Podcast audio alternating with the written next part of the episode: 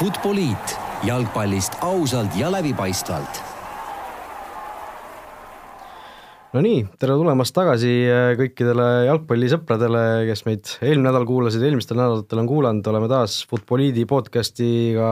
eetris siin Delfi, Delfi ilusas Parda tänava stuudios. täna on meil äh, stuudios lisaks minule, Raul Õessaarele ja Rasmus Raidlale ka veel külaline, Madis Kalvet, tervitus! tervist! Ja Madis on meil siin äh, eelkõige seetõttu, et äh, käis siin äh, hiljuti, või noh, mis hiljuti, eelmise nädala lõpus ühel väga huvitaval komandeeringul, ütleme siis nii, Poola, Poola madalamates liigades seiklemas, nii et temaga kindlasti räägime siin Konstantin Vassiljevi hetkeseisust ja, ja võtame hiljem pulkadeks lahti Cristiano Ronaldo siis selle suure vägistamisskandaali ja ja need vägistamissüüdistused ja eks vahepeal kiireid, kiireid teemasid ka kindlasti Mait Toomist natuke juttu tuleb ja ja saate lõpus nagu ikka OpTibeti panustamissoovitused, nii et eh, ilma pikema jututa läheme siit edasi. no Rasmus, kui palju sina sellest eh, Konstantin Vassiljevi lugudest nüüd eh, ütleme, kurssi oled viinud, et mis, mis sinu arvamus on sellega kõige kohta? nüüd, kui siin hiljuti oli Ekspressis pikem lugu, et mis juhtus Kostja Vassiljeviga, siis me siin omavahel enne esimest stuudio salvestamist ka rääkisime, et seal kommentaariumis räägid seda ja ma olin ka pigem veendunud, et noh, see ei ole päris nii ühepoolne, et mängis natuke kehvasti ja nüüd ta ei pääse isegi kahekümne viie sekka, ei lasta treenita. et äh, seal on nagu teine pool, et noh, mis see tüli sisu täpsemalt on, aga seda ma juba ütlesin jah, et äh, jah, et Madis Poolas ära käis, et et oli nagu selge, et seal on kindlasti mingi teine pool, et noh, lõplikku tõde jälle sõna sõna vastu, ütleme noh, treener ei ütle seda välja, vist Kostja ka ise mitte. aga noh, nagu siin vist räägiti, et võib-olla ei tahtnud viimases, hooaja viimases mängus platsile minna et noh, see tundub suhteliselt reaalne variant, mitte see, et sa ei, sa ei ole enam meeskonna sinna nii-öelda tuumikusse sobiv, et noh, me nägime koondises ka, et tal see kvaliteet on ju olemas ja see oli üks kehv hooaeg, et ta on ju eelnevad hooajad Poolas väga hästi mänginud, et et noh, lihtsalt jääb loota, et nüüd ta leiab vähemalt talvel endale mingi mängukoha Madis, kirjutasid ka, et mitmeid versioone liigub, sa käisid ise kohapeal, rääkisid erinevate inimestega, no mis see kõige tõenäolisem asi siis sinu jaoks sealt tagasi tulles nüüd tundub? No mulle tundub ikkagi, et kõige reaalsem on see, et äh, peatreeneri ja siis Kostja vahel mingi must kass läbi jooksis ja üks spekulatsioon oligi see, et äh, Kostja ei tahtnud eelmise hooaja viimase mängus enam mängida, eelnevat, eelnevalt selle tõttu, et ta ei olnud mängu saanud. et sealt siis järelikult võis tekkida mingi probleem, aga samas jälle teine murekoht on see, just see nii-öelda rahaline pool, et Kostja tahab kompensatsiooni, et lahkuda. ja samas, äh, kuna tal on kaheaastane leping, siis ta nõuab suuremat kompensatsiooni aga klubil, klubi on veendunud, et äh, neil õnnestub aasta pärast Kostjast nagu niisama loobuda juba. et seal väidetavalt on mingi klausel kuskil, et kui Kostja mängib alla kümne protsendi esindusmeeskonna mängudest, siis nad võivad järgmine aasta juba Kostjast loobuda. et seal jah, nii-öelda on, on tõenäoliselt nii-öelda inimestevahelised suhted pluss siis raha küsimus, et need on siis kaks, kaks nüüd põhiasja, mille üle siis vaieldakse ja mille, mille, mistõttu siis Kostja seal kuuendas liigas praegu pallib no sa kirjutasid ka, eks ju, leheloos, et äh, klubi väidab justkui, et neil on õigus järgmise aasta suvel Kostja see leping nii-öelda ühepoolselt lõpetada. Äh, mees ise vist ütles, et tema nagu sellisest klauslist ei tea midagi. no ta teab sellest nii palju, et klubi on talle öelnud, et, et nende jaoks selline võimalus eksisteerib. samas Kostja ütles, et selle peale, kui klubi selle jutuga tuli, tema käis kohe advokaatidest üle küsimas, lõi lepingu letti, et noh, leping on selline, klubi väidab niimoodi, kuidas nagu tegelikult on ja tema ütles, et tema sai siis advokaatidelt kinnituse, et päris nii ikka ei ole, nagu klubi väidab. et see annab talle siis nii-öelda nagu seda kindlust, seda kompensatsiooni ikkagi küsida, mida ta praegu saada tahab. Äh, no räägi selle Kliivitši eluga, tundus ta seal üldse rahul olevat, noh selles suhtes, et äh, väljaspoolt nagu tundub justkui, et ta võtab seda asja nagu suhteliselt selliselt äh, rahulikult, et et noh, kuues liiga kuues liiga ja toksib seal, kus nagu võimalus antakse ja selles mõttes ta oli väga niisugune lõbus ja rõõmus, rõõmsameelne, et niisugust nii-öelda musta masendust tema näost nagu ei paistnud, et et äh, laupäeval oli ju ka Klivitsa ja Kõrliga mäng, kodumäng oli, Kostja käis pealtvaatajana vaatamas, enne mängu saime staadionis kokku, ajasime juttu, fännid tulid juurde, patsutasid õlale, et et ja ütlesid ka, et oleks tore, kui ikka mängiks ja samas Kostja väitis, et noh, et hooaja alguses oli palju rohkem selliseid nii-öelda juurdtulemuse küsimusi, et et äh, praeguseks juba inimesed on harjunud sellega, et ta ei mängi ja ta käibki staadionil lihtsalt nagu pealtvaatajana ja samas igapäevaelu ka, et siin üks päev saime vanalinnas kokku ja siis näitas, kus, kus mis asub ja siis järgmine päev võtsime autosõidu ette käisime, siis vaatasime kõik need külaväljakud üle, kus ta mänginud on ja et selles mõttes ta igapäevaeluga ütles, ta on rahul, laps käib koolis, teine laps käib lasteaias, naine on ka seal, et pereelu, pereelu sujub ja nii-öelda ütles, et võimaluse korral ta ikkagi noh, jääks sinna, aga tundub, et seda võimalust hetkel nagu ei paista, et ta võiks nagu pikemalt sinna jääda. Ma mõtlen ka, et väga palju kurta ei saa, et spekuleeritakse, et saab umbes kakskümmend tuhat eurot ja see on nagu jalgpallurite või koossumeeste Hiina minek, et oled oma liigas kõva vend ja väga nii-öelda oma vana klassi pealt mängid, et äh, mis sa, mis sa veel taga rääkisid, ütleme, et kui räägitakse, üks asi on see, mis ta seal mängib, on ju, tugevuselt kuues liiga ja pooleldi õllemehed, aga kui tihti ta näiteks trenni teeb, ma saan aru, et seal on noored, kes ikkagi teevad suhteliselt tihti, aga aga ma arvan, see igapäevarütm nagu jäi mulje ka, et päris palju sõitsite ringi, et vaba aega ilmselt rohkem, kui oleks esindusmeeskonnas. no vaba aeg kindlasti on jah rohkem, et äh, meie võtsime selle sõidu ette esmaspäeva hommikul, hommikul pool kümme hakkasime sõitma, kuskil kell kaks lõpetasime, sest tal kell kolmest tuli trenn peale, et siis ta oli see kuuenda liiga võistkonna trenn oli, siis ta pidi sinna minema, et siis nagu pikemalt ei saanud. samas oli ka see, et äh, pühapäev oli vabapäev tal, samas pühapäeval, esmaspäeval üldse mäng olema, aga pühapäeva hommikul kell üksteist jäi mäng ära, sest äh, selgus, et kohalik politsei ei suuda turvalisust tagada. ja samas linnas on, samal päeval oli ka kolmanda liiga mänge. ja siis, et ühel päeval kaks sellist mängu on kohaliku politsei jaoks liiga suur katsumus. ühesõnaga, politsei jättis neljanda liiga kohtumise ära jah, no ühesõnaga turvalisuse, turvalisuse küsimus oli, et kuuenda liiga, kuuenda liiga kohtumine ära. Eestis oleks see päris huvitav olukord, et et Kostja seal näitas ka ühte väljakut, kus käisime, väljakul ääres oli ehk üks rida pinke, ütles, mängul oli käinud nelisada pealtvaatajat ja aia taga seisis äh, neli politsei, suurt, suurt politseibussi, millele olid treeritud aknad ja oldi valmis nii-öelda kõige hullemaks kuuenda liiga kohtumises. ühesõnaga, kuuenda liiga mängule sa, sina tegelikult äh, nagu ei õnnestunudki jõuda? kahjuks jah, kuuenda liiga mängule ei õnnestunudki jõuda, et see mäng, kus ma plaanisin minna, see kokkuvõttes jäi nagu ära okei okay,, aga noh, kui neli, nelisada pealtvaatajat ja sellised politseibussid, on see siis nii-öelda igapäevane nähtus, et ongi mingisugused kaklused, madinad, mingisugused suured rahutused igal väiksemal jalgpallimängul? Põhimõtteliselt küll, et hirm on nagu olemas, et sama laupäevane kõrgemäng Liivitse ja siis Korniku vahel, et siis naaberlinna klubi oli, et pidi olema kohalik suur derbi, seal mängul oli, mängu eel ma ütlen, mina ei ole sellist nii-öelda politsei väljasolekut nägin viimati tõenäoliselt pronksöö ajal ja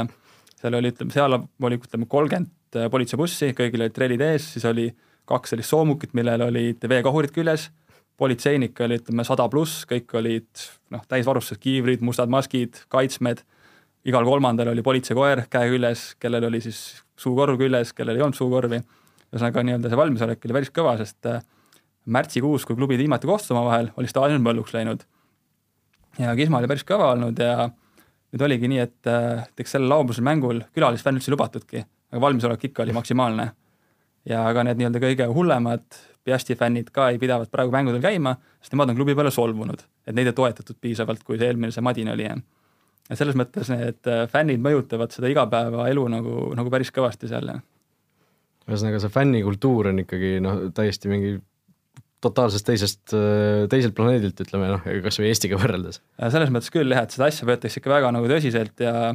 aga samas nagu neid probleeme ka sellega on nagu päris palju, et üks on see, et nad kaklevad, aga samas teine on see, et ikkagi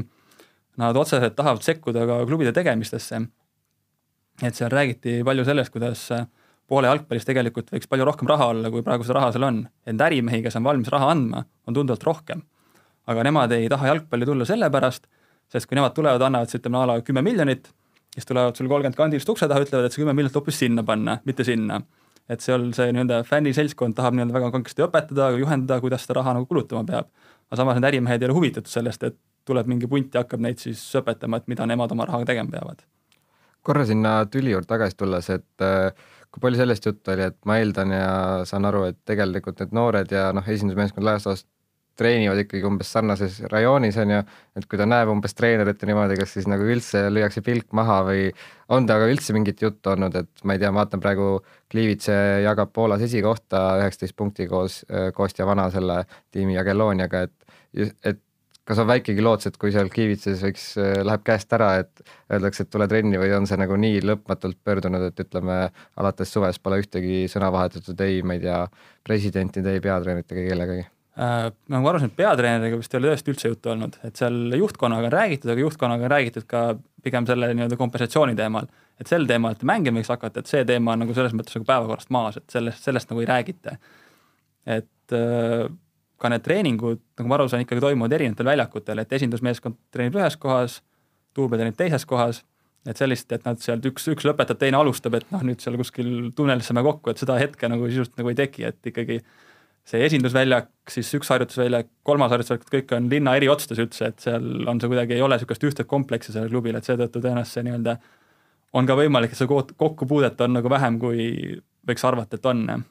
aga kui optimistlik ta on selles, et ütleme näiteks siin talve jooksul saaks klubi vahetada, et eh, noh, ilmselt võib jälle raha taha asi jääda, on ju, et huvilisi võib olla, aga ilmselt seal on jälle mingid kompensatsioonid ja kõik niisugune. no ma nagu aru sain, et iseenesest nagu loodab nagu nüüd talve peale rohkem, sest see lause, mis ta ütles, et eh, tundus, et klubi ei võtnud suvel nagu tema nõudmist piisavalt tõsiselt, et nüüd kokkuvõttes nagu praeguse olukorraga vist äkki klubi on aru saanud, et ikkagi noh, Kostja oma nõudmistest ei ole valmis taganema ja ehk nagu siis klubi nagu, ta loodab, et klubi siis nagu mõistab, et ei ole mõtet hoida suure palgaga mängijat äh, kuskil kuuendas liigas. et tundub, et see noh, vähemalt ise loodab, et jaanuaris võib lahendus saabuda, samas mulle tundub, kui jaanuaris ei saabu, siis tõenäoliselt suvel, ma usun, tuleb niisugune mingi kohtu case, et et kui klubi üritab nii-öelda lepingut jõuga lõpetada ja Kostja väidab, et seda ei saa lõpetada, et ma arvan, kui see asi võib suveni venida, siis, siis võib-olla jah, tuleb advokaadid, kohtuuksed, kõik muu sinna juurde mis on eelnevalt ka näited olnud, kui läheb kohtusse, siis tihti võib olla see, et äh, ei võida keegi, et mängija ei saa kuhugi liikuda ja et äh, kuidas nagu Kostja enda meels oli, et oli ta valmis võitlema nui neljaks või ütleme, et ikkagi noh, kui saab umbes pool, mis ta algul lootis, siis on nagu valmis kuhugi minema? No kokkuvõttes ma arvan, et see sõltub ka palju sellest, mis see pakkumine tuleb, mis teisest klubist tuleb. et kui ta saaks nii-öelda samaväärse pakkumise, siis tõenäoliselt ega see kompensatsioon oleks väiksem. aga no ma aru sain, need pakkumised, mis suvel olid, need olid nii palju väiksemad kui see, mis tal Piastis praegu on, et siis kokkuvõttes ei olnud nii-öelda mõistlik edasi liikuda. nagu ta ise ütles ka, et, et ta sai selle kolmeaastase lepingu, ta sai selle palga, mis ta tahtis ja kui ta nüüd peab järsku ära minema,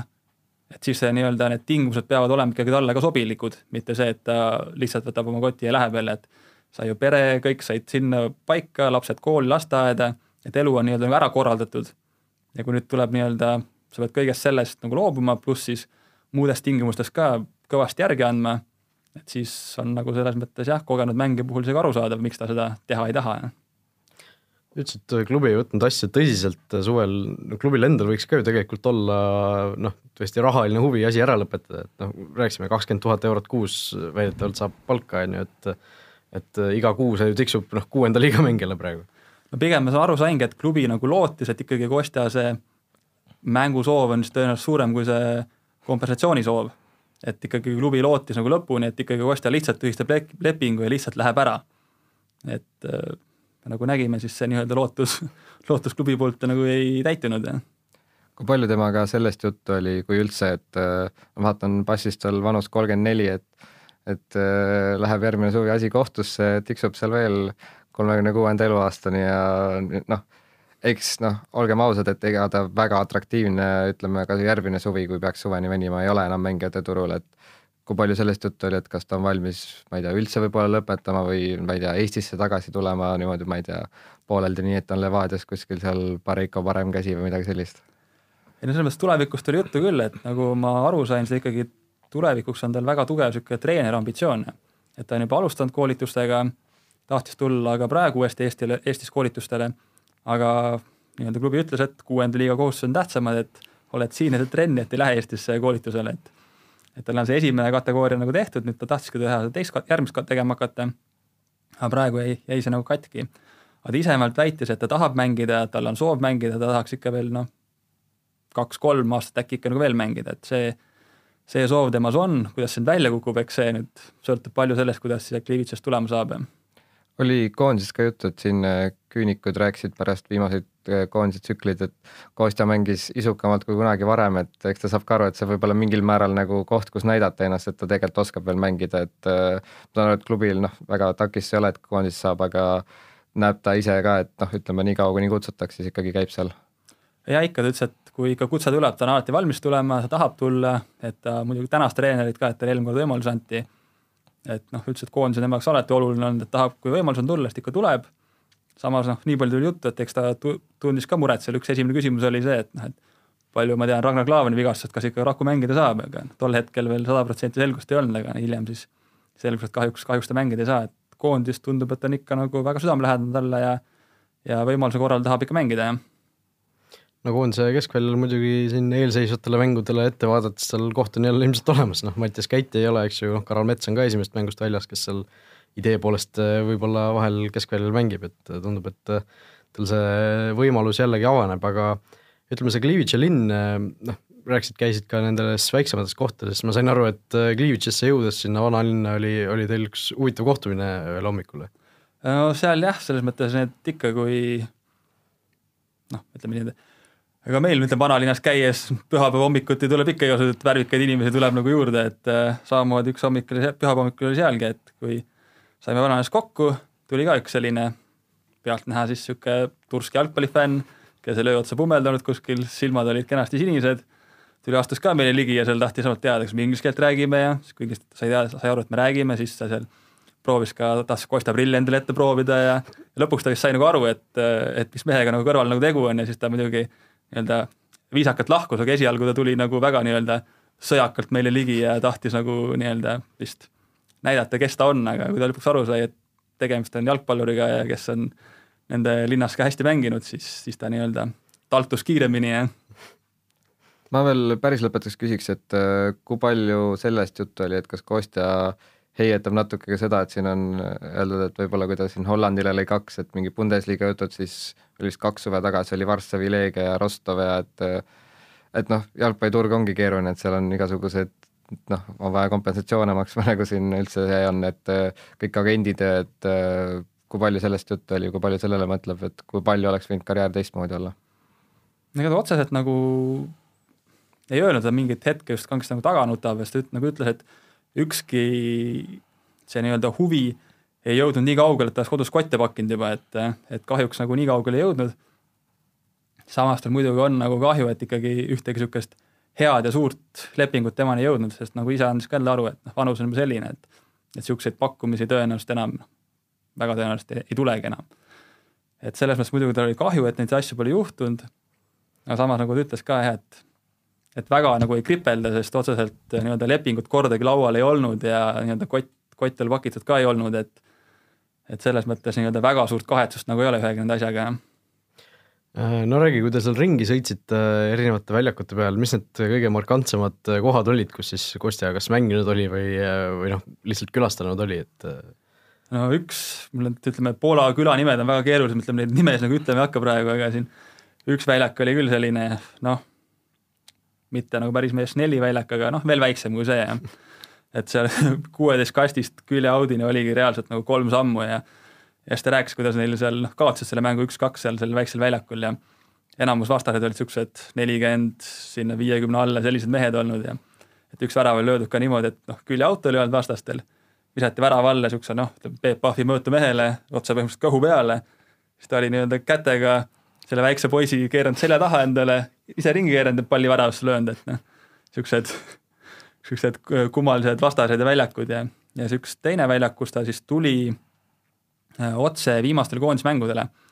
ütleme nii-öelda sellist kuumaastikku nagu väga tihti nagu ei näe, et see ikka oli väga nii-öelda üles-alla väljak ja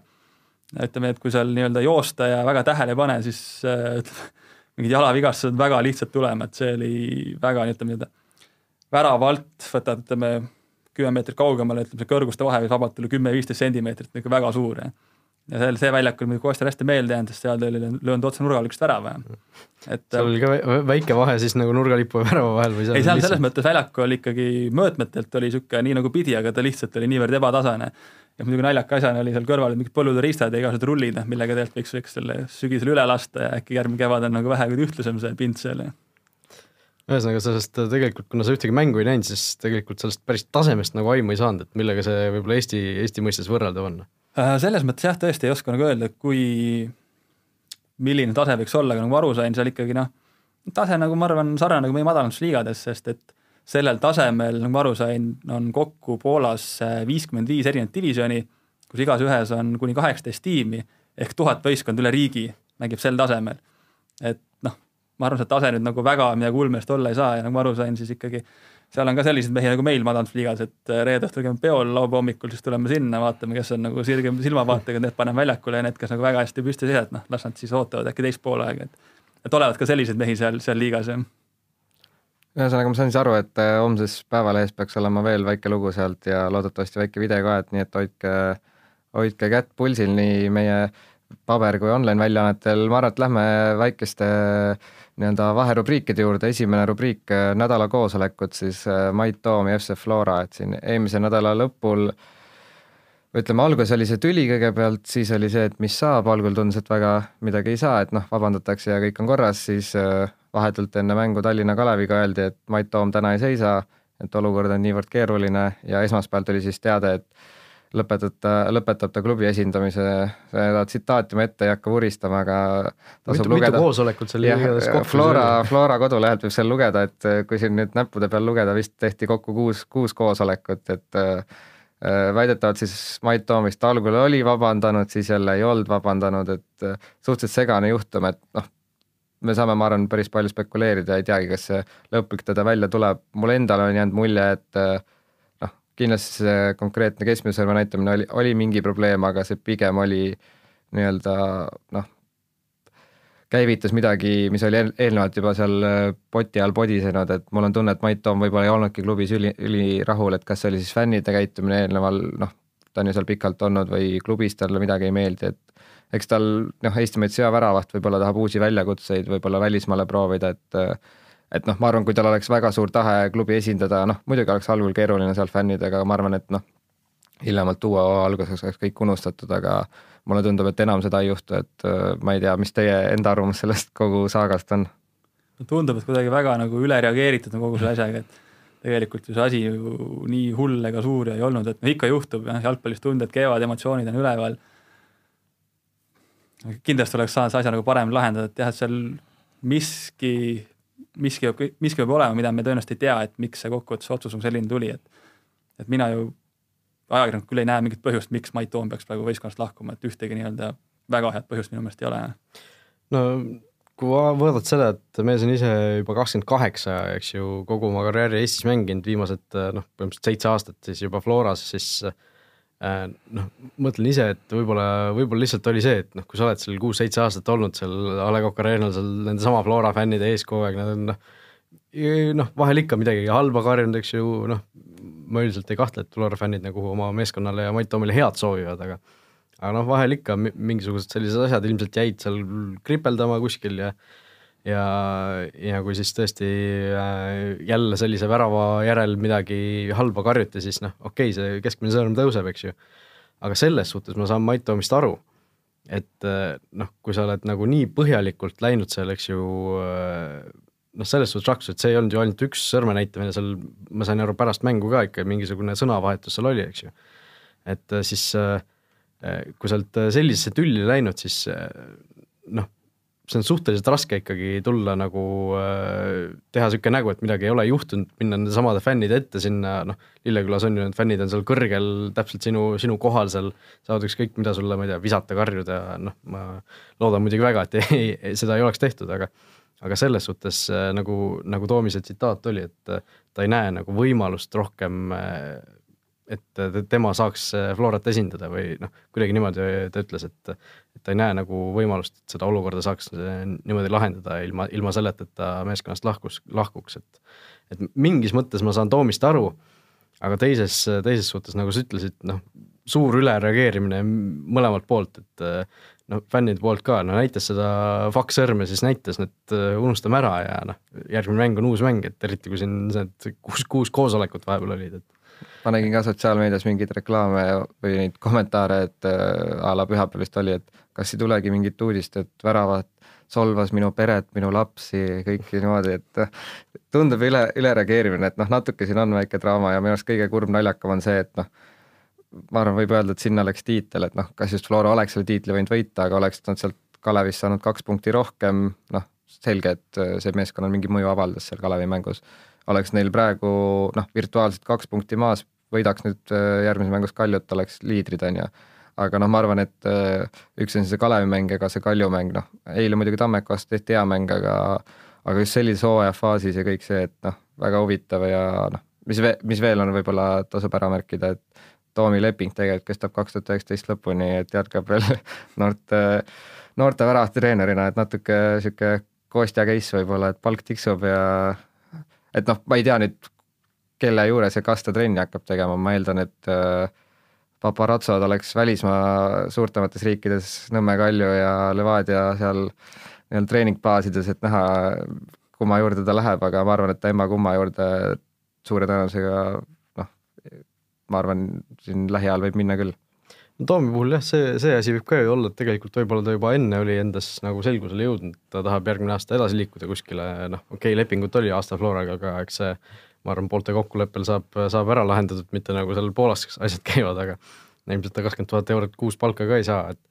et äh, ma arvan jah, et äh, Nõmme Kalju oleks praegu nagu kõige loogilisem variant, kui, kui Eestis vaadata ringi, et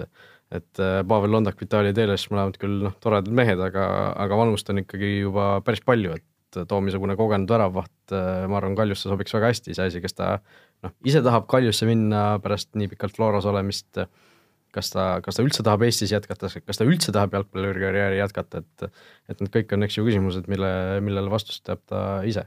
muidugi minu meelest nagu üks mõte, mis on see, et kui ta tahab välismaale minna, siis selline asjade lõpetamine Floras kindlasti kasuks ei tule niimoodi, et noh, kõik mingi agendid ja uued potentsiaalsed kausiliselt vaatavad, kuidas asi nagu eelmises kohas lõppes, siis see nagu öelda hea toon ei ole, et noh, Eestis kindlasti kõik teavad, mis mees ta on, kui, kuidas ta võimalik mängida, võimalik, võimeline mängima on, et Eestis kindlasti oleks tal lihtsam leida aga ma arvan, nii-öelda välismaa ambitsioonidele võis selline käik nagu päris suure nagu põntsu panna. jah, ja jällegi, et on kah-, kakskümmend kaheksa juba, et tegelikult ei ole ju enam mingisugune noor mängija, et äh, päris äh, noh, parimas eas idee poolest väravvahi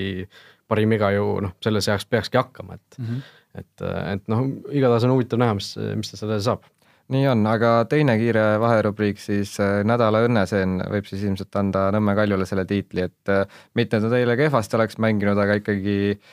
Äh, Levadia vastu siis äh, eksitud, äh, Levadia eksis penaltil, lõi kaks korda posti, Nõmme Kalju endiselt kaotuseta, kolmkümmend üks vooru mängitud ja hetkel siis Flora ees seitse punkti edu. Floral üks mäng küll vähem peetud, aga noh, tiitel tundub ikka väga lähedal, eriti kui nad nüüd järgmises mängus Florale ei kaota, et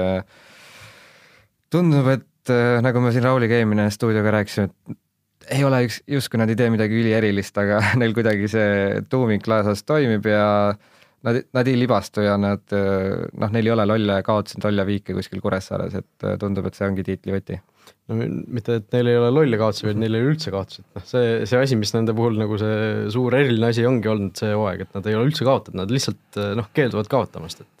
et nagu oli siin see, kus Volkov lõi kaks väravat viimase mingi üleminutitel, noh, sellised mängud äh, noh, seda enesekindlust ja kõike süstivad nii palju ja noh, see Viik Levadia oli ka tegelikult ju samm jälle selle kaotuseta hooaja poole. et selles mõttes jah, kui vaadata eelnevaid hooaegu, on ju, on ju olnud aastaid, kus Kaljul on tegelikult palju parem võistkond ja palju paremad lootused olnud ja kus on alustatud mingi väga hästi ja tehtud, tehtud väga head mängu ja kus on eurosarjas hästi mängitud ja ja nüüd siis kuidagi see aasta on see, kus nad on natuke nagu kuidagi nagu pealtnäha nagu säratud ja samas eurosarjas läks ka kõik nii-öelda aia taha ja nüüd järsku siis koduliigas kõik nagu klikib, et et ei tea, kas see on siis eelmiste aastate ebaõnne eest siis kuidagi see aasta saavad siis nagu asjad nagu tasutud või on võlg tasutud? Nojah, et kui äh, vaadata, siis tegelikult äh, kolmekümne ühest mängust kaheksa viiki lausa, et äh, eelmine aasta nad andsid kaheteistkümnes mängus punkte ära, et noh, kas viigiga kaotuse näol, et kuus kaotust eelmine aasta, et et selles suhtes kindlasti on tehtud suur samm edasi. aga noh, eks näis, kuidas see, kuidas see pühapäevane mäng läheb Floraga, ma millegipärast usun, et kui nad, kui nad tõesti nüüd Levadiale ka selle, selle mänguga ei kaotanud, noh, Kruglov lõi penalti mööda, mida kõike veel, neid võimalusi oli seal ju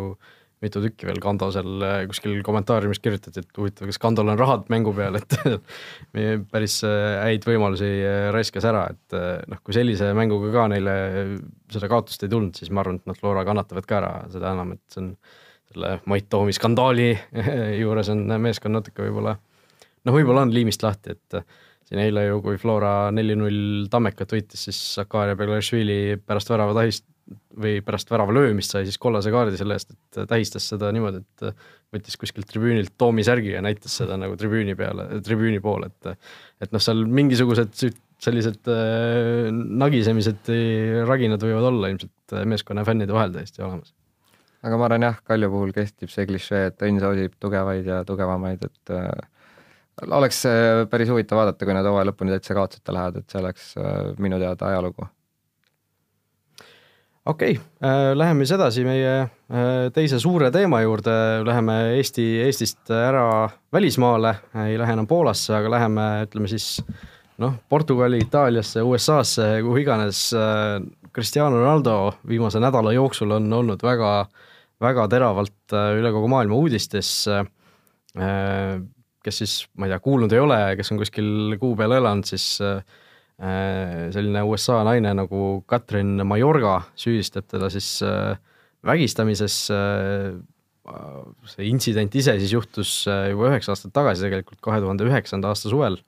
juunis Las Vegases. ja noh, asi on praeguseks jõudnud nii kaugele, et see sama Majorga on siis Ronaldo vastu esitanud tsiviilhagi Äh, kohtusse ja, ja Las Vegase politsei on ka asja kohta uuesti uurimist alustanud, et äh, no võib-olla alustame, Rasmus, mis mulje sulle see kõik jättis, eile, kui me põgusalt rääkisime sellest, siis sa alguses või noh, sa rääkisid, et alguses sa nagu ei, ei pööranud sellele asjale üldse tähelepanu, et tundus selline suvaline, suvaline jutt kuskil. Jah, ma nagu ma eile ütlesin jah, et äh, selliseid asju on viimasel ajal päris palju olnud, et kui see esimene uudis tuli, noh et ma algul noh, nägin pealkirja, mõtlesin, et noh, kus iganes portaalis see on tulnud, et noh, niisuguseid süüdistusi tuleb päris tihti, on ju. kas just väga sportlaste peale tuleb ka aeg-ajalt, aga noh, poliitikud ja kõik äh, filmitähed ja nii edasi, aga jah, et äh, tuli need artiklid veel ja veel, lugesin ka eile õhtul need Der Spiegeli artikli läbi, soovitan teistel ka lugeda, et päris äh, huvitav lugemine ja noh, selle põhjal ma sain veelgi rohkem aru, et tegelikult see asi on päris tõsine, et äh, jällegi noh, nagu me oleme siin korduvalt tõdenud, et lõppude lõpuks on natuke niisugune sõna-sõna vastu olukord, et seal ju noh, mingeid helisalvestisi või videosalvestisi ei ole, aga aga mul on tunne, et siin on päris palju tõendeid, mis räägivad Ronaldo vastu, teisest küljest noh, Mallorca seis ei ole ka niivõrd hea, sest äh, ütleme, ta on selle raha vastu võtnud esialgu, et ta vaikib. Ja noh, siin on ka mingid asjad, et kuidas ta kukkus seal basseini, väites, et ta oli täiesti kaine ja justkui on mingid pildid, kus ta Ronaldo kõrval naeratab ja oli nõus temaga sinna ülesse kuhugi minema nii edasi nii edasi, on ju, et äh, lugesin veel huvitavat niisugust seisukohta ka Eurospordist või kuskilt, et äh, räägiti, et noh, me küll räägime sellest, aga mul on tunne, et inimesed ikkagi lõpuni ei saa aru, kui oluline see on või kui nagu märgiline see kogu asi võib olla, noh, lõppude lõpuks ma arvan, et see asi reaalselt ei jõua mingite karistusteni, ütleme, Ronaldo ei lähe eluks ajaks vangi, mis noh, tegelikult seaduste järgi seal, kus see toimus, võiks juhtuda, aga ikkagi, et äh, üks asi ongi see, et niisuguseid asju on olnud palju, teiseks on see, et Ronaldo taga on nagu noh, miljoneid, sadu miljoneid fänne ja ta noh, seal on kõik sponsorid, kõik tema taga ja samal ajal, kui noh, Mallorcat võib-olla nii väga ei toetata ja kui Ronaldo ütlebki, et see on äh, fake news, mis iganes, on ju, siis äh, noh, tänapäeva pinnapealse süvenemisega võetaksegi see, et ah, jällekordne mingi skandaal, nagu siin, ma ei tea, Donald Trumpil on umbes iga nädal, on ju. aga tegelikult jah, kui süveneda, siis tegelikult seal on sisu ja Ronaldo vist isegi on tegelikult korra öelnud, et jah, et ta ütles ei ja midagi sellist, aga nüüd ta on hiljem öelnud, et äh, ei, et äh, see on, äh, ütleme, minu arvelt tahetakse rikastada ja nii edasi, et noh, keeruline juhtum ja mul ausalt öeldes on isegi huvit-, huvitav, et noh, seda ei ole ikkagi nii suure kella külge pandud, kui võiks. et noh, ma ei tea, me siin võtame, ma ei tea, Eesti näite, et Taavi Rõivas, kes tegi väga leebemaid asju oli no ütleme, jah, et oli, oli oluliselt suurem teema, okei okay,, noh, ütleme, ma arvan, see, ma eile ka veel mõtlesin endamisi, et olekski, oleks see poliitik, siis oleks, mis oleks seal noh, lõppude lõpuks on nii-öelda public case, nagu öeldakse, et väga palju oleneb see, mis see üldsus arvab, et oleks see ühel pool olekski niisugune poliitik, Donald Trump, siis usutaks rohkem seda teist naist, et noh, inimesed, inimestele ei meeldigi poliitikud, aga Ronaldo on väga paljudele inimestele lihtsalt jumal, noh, et ta on nagu fännavad teda ja täiesti, et noh, näed isegi panin Twitterisse ka Ronaldo ja noh, ma ei tea, viimasest sajast populaarsemast tweetist väga paljud rääkisid sellest, et aa, et Ronaldot ei olnud Juventuses, et Dybalal oli värava äh,, väravaid, et noh, pole, pole viga ja midagi räägiti vist sajast võib-olla kümme protsenti olid artiklid üldse sellest, kui, et sellest konkreetsest case'ist. selles mõttes jah, on huvitav, et tegelikult see asi ei ole jah, nii, nii suureks läinud, kui oleks võinud arvata, et et kui niisugune uudisik välja tuleb, Der Spiegel on ikkagi niisugune nii-öelda mainekas väljaanne ja nii-öelda nad päris igasugust asja ei avalda, et kui nemad tulid sellise asjaga välja, siis järelikult ikkagi midagi kuskil pidi olema, aga samas jah, ta ei ole sellist nii-öelda keeristormi üles võtnud, nagu oleks võinud nagu eeldada. et äh, mis sellest saab, see tundub, tundub jah, väga niisugune hetkel veel ikka väga lahti olema, kuhu see lõpuks asi nagu välja üldse jõuab. sest nagu ma mäletan kuskil vist kirjutas ka, et sama see naisterahvas ütles, et ta tahaks nüüd nagu teada, et palju veel inimesi välja tuleb selliseid, kes nagu Cristianot nagu süüdistavad. et noh, siiamaani tundub, et ükski, ükski teine nagu ei ole sarnaste asjadega välja tulnud samas, mis Ronaldo puhul nagu huvitav on, et noh, tema kohta on ju aastaid kirjutatud igasuguseid asju, et küll on suured artiklid, et ta on ikkagi gei ja küll on artiklid, et et need lapsed on üldse või äkki polegi tema omad või et noh, selles mõttes ma arvan, see ongi see, see prügi ajakirjandus on see, miks seda praegu ei usuta, et keegi ei ole süvenenud sellesse, et see on jälle mingi üks pealkiri, on ju. Ja mis sa ütlesid väga õigesti, et mulle endale ka tekitab usutavust see juurde, et äh, see on tõesti umbes kakskümmend ajakirjanikku on selle loo taga, noh, kes on pannud oma maine noh, täiesti joonele ja teisest küljest, et äh, noh kaks tuhat seitseteist aprillis avaldati esimene sarnane artikkel, siis ei võtnud nii suurt äh, hoogu taha, ütleme seda naise nime siis ei olnud väljas seal. no ütleme jah, see eelmise aasta artikkel, noh, see oli, eks ju, anonüümne, seda, selle naise nime ei olnud seal äh, kirjas, see tuli selle Football League'i skandaali kaudu. Äh, Spiegel, noh, selle naise nime ei avaldanud, nad üritasid temaga ühendust võtta, aga toona siis ta üritas endiselt nagu asja maha suruda, kartes, eks ju, et et äh, Ronaldo fännid hakkavad teda, hakkavad teda nagu süüdistama, ründama, eks ju, et et tegelikult ju üheksa aastat äh, hoidis ta seda asja nagu noh, sisuliselt vaka all avalikkuse ette ei toonud, aga aga nüüd see asi on nagu välja tulnud ja tegelikult noh, kui sa korra selle Twitteri mängu tõid, siis äh, ma ka huvi pärast noh, sportlikust huvist lihtsalt vaatasin, et mida seal noh, igast Ronaldo nende, noh, Ronaldo ju eile seal ka Twitteris vabandas, mitte ei vabandanud, vaid eitas neid süüdistusi, ütles, et noh, vägistamine on täiesti jälestusväärne kuritegu, et tema pole mitte, mitte kunagi millegi sellisega tegelenud ja nii edasi, et et noh, päris paljud mingisugused Twitteri sellised noh, kas trollid või, või noh, mingid sellised Ronaldo fännid äh, Äh, tõesti süüdistasid, et noh, mis asja, et see naine on mingi lits ja, ja noh, mida kõike sellist, et see,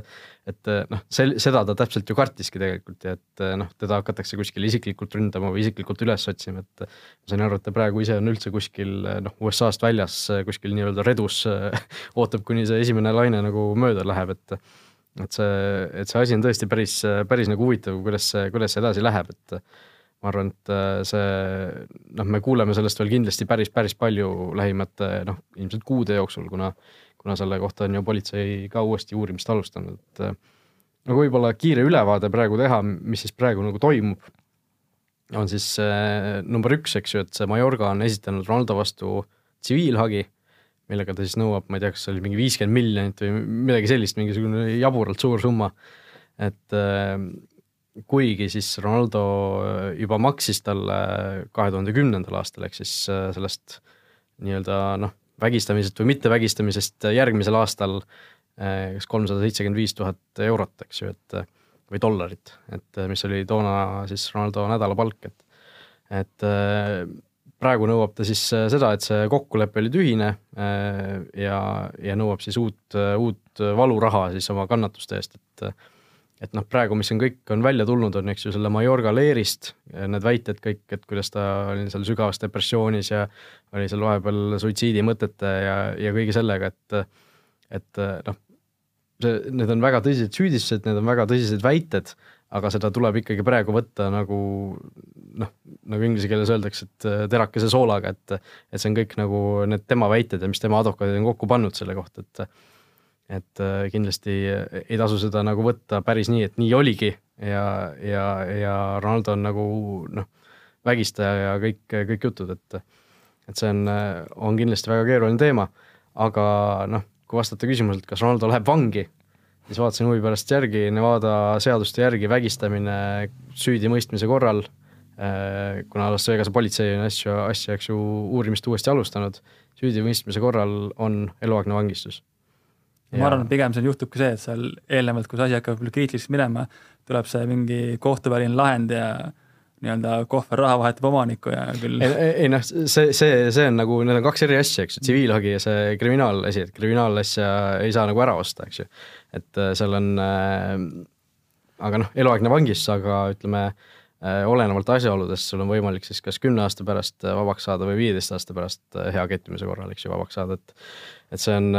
on nagu päris, päris suured panused on kaalul, et Ronaldo noh, okei okay,, on juba seal üle kolmekümne aasta vana ja värki, aga aga ikkagi tema karjäär halvemal juhul võib, võib siia nagu ära lõppeda kokkuvõttes. Jah, mis mõte mul enne jäi õhku rippuma, oli see, et äh, kui see kaks tuhat üheksateist või kaks tuhat seitseteist aprillis esimene artikkel tuli, siis väidetavalt olla Ronaldo ja tema esindajad öelnud, et, et noh, te ei lähe sellega avalikuks, kui lähete, siis me läheme teie vastu kohtusse. aga poolteist aastat hiljem ei ole noh, konkreetsele väljaande vastu mindud, mis näitab, et seal nagu midagi noh, midagi oli, noh piltide pealt me näeme, et selgelt nad nii-öelda nägid tol õhtul üksteist ja nad ilmselt olidki seal toas. nüüd ongi see, et mis seal täpselt, täpselt juhtus, et et noh, ma arvan, et see tõde ongi seal võib-olla kuskil vahepeal, ma vaatasin seesama Der Spiegeli artikkel ütles ka umbes, et seal, kus see Nevadas siis see toimus, et et selleks, et, et nii-öelda täiesti süüdi mõista kriminaalastmes peab see olema no üheksakümmend üheksa protsenti tõestatud. noh, see on igal pool, eks ju. ja see, ja sellest küljest, teisest küljest, et selle asemel, et kui makstakse üldse noh, mingi summa, siis see peab olema niisugune viiskümmend, viiskümmend on ju. noh, et tsiviilhagis, eks ju, noh, sa peadki tõestama, et see, see pigem oli mm, -hmm. pigem oli sinu kasuks, mitte mhm. vastase kasuks, eks ju, et äh, noh, seal kuhugi poole see kaalukoht mm -hmm. peab jääma, eks ju, et et äh, kriminaalõiguses on ju teistpidi, et äh, noh, kas sa oled süüdi või ei ole, aga süüdi mõist-, süüdi mõistmiseks on vaja ikkagi nagu absoluutselt tõde ja ja noh äh,, me küll kõiki detaile muidugi ei tea, noh, teame küll päris palju sellest, mis on kirjutatud, aga aga tundub igatahes, et et seda noh, täielikku, täielikku süü tõestamist selles olukorras ilmselt ei, ei saagi tulla mm. -hmm. eks sõltub ka sellest, kui palju üldse toona mingeid tõendeid koguti ja kas üldse midagi järgi on ja üldse on, on mida uurida peale nii-öelda inimeste juttude veel. ma, ma saan nii palju aru, et see Mallorca käis noh, kas päev hiljem või siia käisil ta arstlikul ülevaatusel ja tegelikult seal tuvastati, et noh, et seal on nagu nii-öelda noh, kõik need tunnused on olemas, aga mis, tulles veel selle aastataguse juurde tagasi, et seal oli ka see, et toona, kui ta tuli, siis oli see, et kohe öeldi Ronaldo esindajate poolt, see on journalistic fiction ehk siis ütleme, ajakirjanduslik ulme ja neli päeva hiljem Ronaldole meistrite liigas kolm väravat Bayern Müncheni vastu ja siis hiljem veel kolm väravat Atletico Madridi vastu, et samamoodi nagu me rääkisime praegu sellest Twitterist, et et kui ütleme, poliitiku puhul, kui ta võtaks nädal aega pärast niisugust süüdistussõna, siis noh, väga palju räägitakse sellest, aga sportlasel on väga lihtne neid äh, kustutada, okei okay,, selle eile lõpuks Ronaldo vastus ütles, et noh, see on nii-öelda, ei ole midagi olnud, aga tal on väga lihtne lihtsalt järgmisel nädalavahetusel lüüa kolm väravat ja noh, laia, suurem vuti üldsus nagu räägib ainult sellest siis. et jah, raske, raske juhtum, et huvitav, kuhu see, kuhu see areneb, noh, ma arvan, et selle võime ära öelda, et et ilmselt Ronaldo vangi ei lähe, kuigi see oleks sajandi suursündmus ilmselt no see oleks jah, no isegi sellest O.J. Simpsoni suurest mõrva, mõrvakohtu case'ist, kus seal Kardashiani advokaat noh, suureks nimeks sai, eks ju. et see sellest asjast ka ilmselt suurem, et, et no tõesti äh, need, äh, need süüdistused on karmid ja tegelikult, kui neid dokumente lugeda, siis äh, noh, Ronaldo vaata on, eks ju, kaks küsimustikku väidetavalt äh, ära vastanud, mis tema advokaadid on talle esitanud, et nagu täpselt teada saada, mis, mis tol päeval juhtus või tol ööl. ja, ja noh, seal on, on need kuulsad, kuulsad tsitaadid, eks ju, et she said no and stop several times et noh, see on, see on midagi väga, väga sellist ikkagi konkreetset, mis nagu Ronaldo ütleme süüd justkui tõestaks samas mingisugune või noh, see teine küsimustik seal, seal ta on justkui väitnud, et see vahekord oli nagu mõlemapoolne, eks ju, et, et äh, väga, väga nagu kahtlane on see kogu case ja tegelikult äh, noh, mingisugune selline tsitaat on ka seal, et she said that she didn't want to, but she made herself available. Et noh, mida see nagu täpselt tähendab ja, ja, ja kuidas, kuidas seda nagu mõista, et see, see kõik on päris, päris selline huvitav eks, neutraalsest äh, vaatepunktist. eks palju juba sõltub ju sellest, ega üle maailma ongi tema filmimaailmas, poliitikas, igal pool on sarnased juhtumid hästi palju üleval, et kui seal kuskil tuleb lõpuks mingi üks suur otsus ära, samas see võib ju hakata mõjutama ka neid teisi neid otsuseid. et, äh, et selles mõttes on huvitav, nende korraga on tulnud üle maailma igasugust, väga palju neid asju on välja tulnud ja mis mina nagu sama nende olukordade peale mõtlen, mis tundub väga niisugune veider, ongi see, et kui mõni niisugune kuulsam mees seal kuskil näpuga viipab, on ju, siis esialgu kõik jooksevad kohale, siis et noh, kas inimestel endal nagu niisugust mingi ohutunnet ei ole, et äkki võib midagi juhtuda või et noh, kas inimesed nagu eelnevalt ette ei mõtlegi või. ja samas on teine asi see, et äh, mõnikord on jäänud nagu mulje, et äkki mõni lähebki nii-öelda kokkuvõttes seda nii-öelda raha sinna õngitsema, et nagu samas nagu seda Majorgat praegu ka süüdistatakse osaliselt ju, et et äkki ta ongi puhtalt niisugune nii-öelda tema, tema fiktsioon on ju, et kunagi ei tea ette, mis seal tegelikult, mis seal tegelikult oli, lõpuks ongi see, et teavad need kaks inimest, kes seal ruumis olid, mis tegelikult oli, aga noh, kui üks räägib üht, teine teist, siis tõenäoliselt midagi ei teadnud, mis tegelikult oli, jah. jah, et ma ütlen lõpetuseks, minu mulje on see, et seal midagi oli, kas oli nüüd täpselt see, mida süüdistatakse, seda on noh, ma arvan, ei jõua keegi lõpuni tõestada, aga noh, lõppude lõpuks suht ütleme ke, keeruline case, eks, eks näis, mis sellest saab, et Mallorcale ei tule kindlasti kasuks, nagu sa ütlesid, kogu see noh, selliseid sarnaseid süüdistusi on hästi palju õhus, et oleks see nagu üks omalaadne, siis seda kindlasti, see saaks rohkem päevavalgust jah, aga noh, mis antud juhtumit teistest eristab, ongi see, et äh, eks ju seal on nii palju neid dokumente, mis on mhm. lekkinud mm, -hmm. kus äh, noh, Ronaldo ise ka nagu äh, ikkagi ju osaliselt tunnistab, et, et ta võttis, võttis seda naist nagu vastu tahtmist ja ja, ja noh, kuidas noh, see ka, et kui sa maksad nagu nii suure summa tegelikult naisele, siis noh, päris niisama see ilmselt see asi ei käinud, aga aga Ronaldo noh, selline maine on ilmselt igaveseks ikkagi pleki külge saanud, noh kui vaadata kasvõi noh, Kobe Bryantit, kellel oli ka ju noh, mõneti sarnane juhtum, aga, aga asi lõpuks, ma ei tea, kas ta kohtusse ei jõudnudki või noh, igatahes tema pääses nagu asjad, asjast puhtast, puhtalt pidi ainult seda tunnistama, et jah, ma rikkusin abielu ja mida kõike veel, et aga naise käest sai andeks vähemalt naise käest sai andeks, siiamaani on koos ja tundub, et nagu õnnelikult koos, et et selles suhtes läks hästi, aga eks, eks seda mäletatakse siiamaani nagu noh, meiegi siin räägime sellest praegu. aga, aga tõesti, Ronaldo puhul no, no